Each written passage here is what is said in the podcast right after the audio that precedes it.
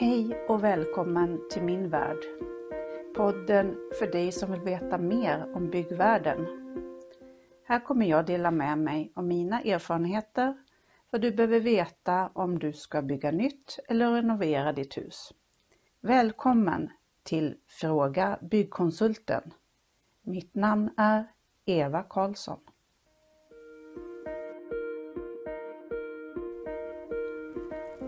Tycker du om det du hör så tryck på tumme upp. Följ min podd så att du inte missar nästa avsnitt och dela gärna så att fler får ta del av min kunskap. I det här avsnittet pratar vi bostadsutformning. Som vi nämnt tidigare ska bostäder vara lämpliga för sitt ändamål. Och den här lämpligheten granskas i bygglovshanteringen.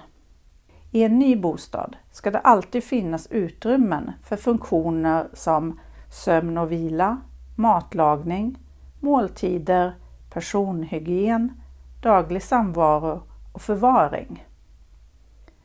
Det här står att läsa i Boverkets byggregler avsnitt 3 2 och 3 52. I större bostäder så ska man avskilja några av verksamheterna så att sömn, vila, matlagning och daglig samvaro kan ske i separata rum. Man behöver alltså ha ett vardagsrum, ett kök och ett sovrum som är separerade från varandra och var och en ska ha ett fönster. Hur stora de här rummen måste vara, det påverkas av tillgängligheten i bostaden. I BBR så anger man inte några ytor utan det är bara generella regler vilka funktioner ska finnas och hur de ska vara utformade. Vill du veta mer exakt så behöver du ha tillgång till Svensk standard SS 914221. Det konstiga med det här är att den behöver du köpa på Svenska institutet för standarder så du kan alltså inte ta reda på utan att betala för hur en bostad ska vara utformad i Sverige idag.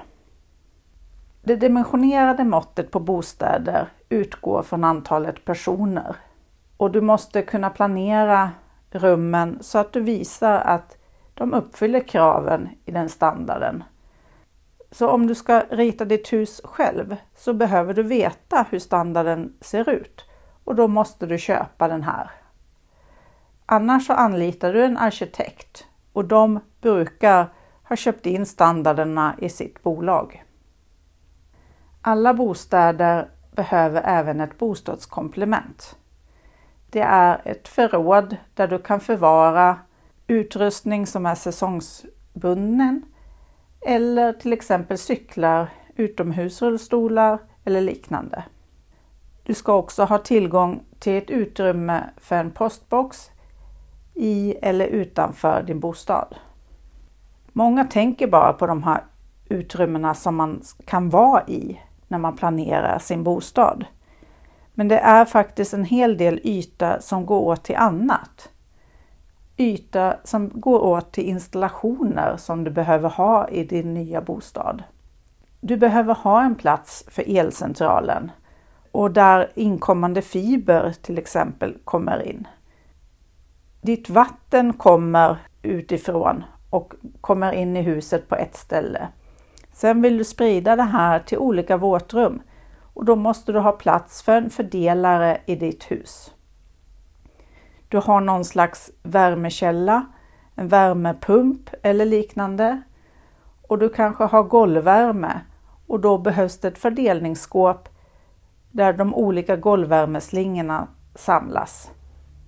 Ditt avlopp behöver avluftas och den avluftningen går från avloppet i grunden upp genom huset till yttertaket och ska mynna ut ovanför yttertaket. Ventilationskanalerna kan också ta plats beroende på om du har en eller tvåvåningshus och om du ska ha värmeåtervinning eller liknande. Det är viktigt att få med det här på en gång när du planerar din planlösning. så att du kan utnyttja husets yta så smart som möjligt. Därför brukar man planera så att våtrummen ligger samlat och i närheten till kök och tvättstuga.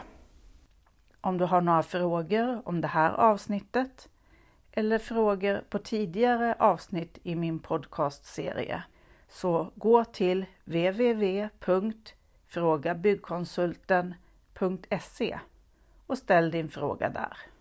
Så välkommen igen till Fråga Byggkonsulten.